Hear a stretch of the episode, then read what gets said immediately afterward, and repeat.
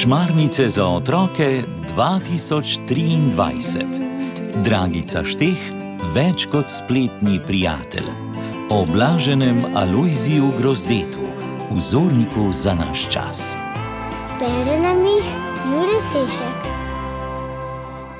Pozdravljeni, dober večer, dober dan, dobro jutro, kadarkoli nas že poslušate, prav lepo zdrav, zdaj lepo širimo vsem, ki boste slišali del pripovedi o Filipu iz letošnjih šmarnic z naslovom Skrivnostna škatla. Se spomnite, včeraj se je Filip poslovil od svojih sošolcev in sošolk, zelo mu je bilo težko in želi si, da se vse to ne bi zgodilo. Zvečer sta z mami odprla skrivnostno škatlo, ki jo je pred dnevi našel v svoji sobi. Takole piše: Danes sem komaj dočakal večer. Ko tole pišem, se mi roka kar trese od vznemirjenja. Škatla, ki smo jo včeraj odprla z mami, sploh ni bila škatla.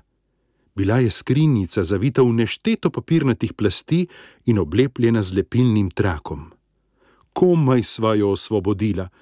Mami je očitno vedela, kaj se skriva v njej, saj ni bila niti malo presenečena. Mislim, da je vse skupaj celo zrežirala.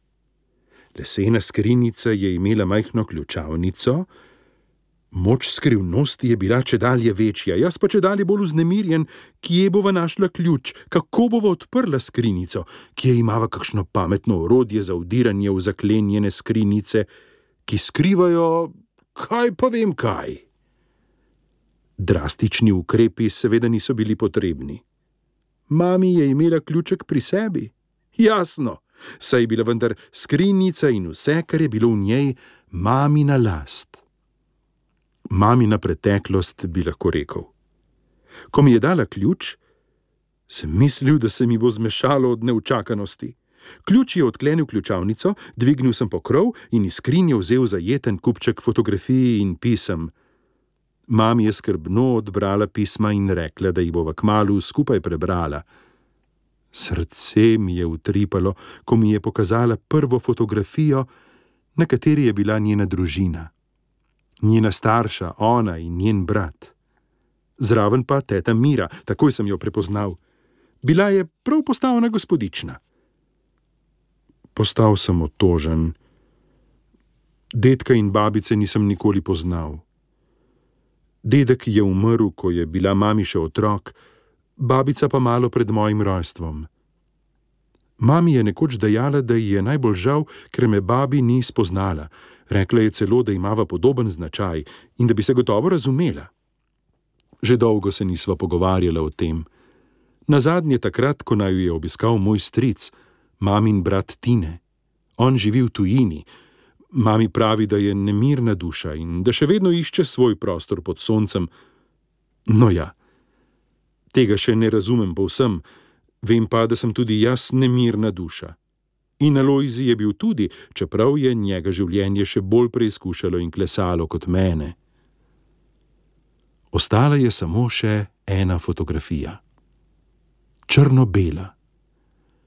Na njej je bil postaven mladenič, ki mi je bil nenavadno znan.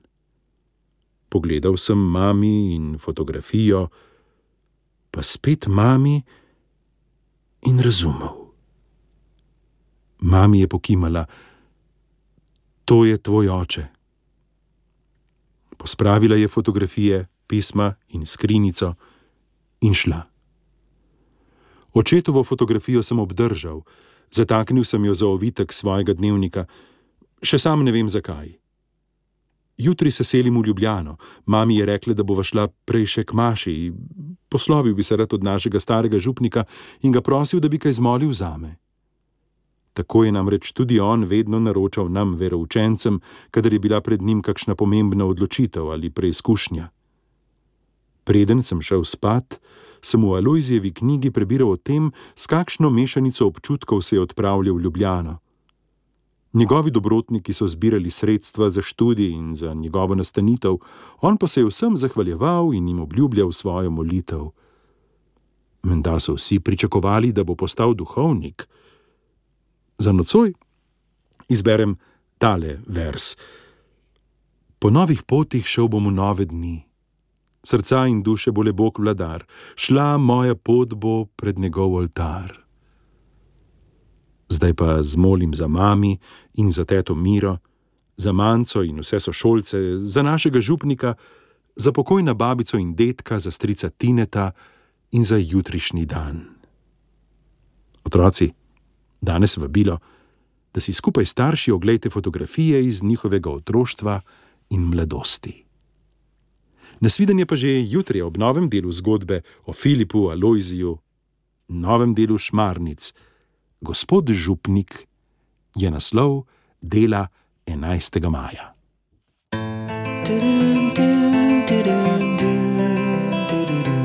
Zgodbe za otroke.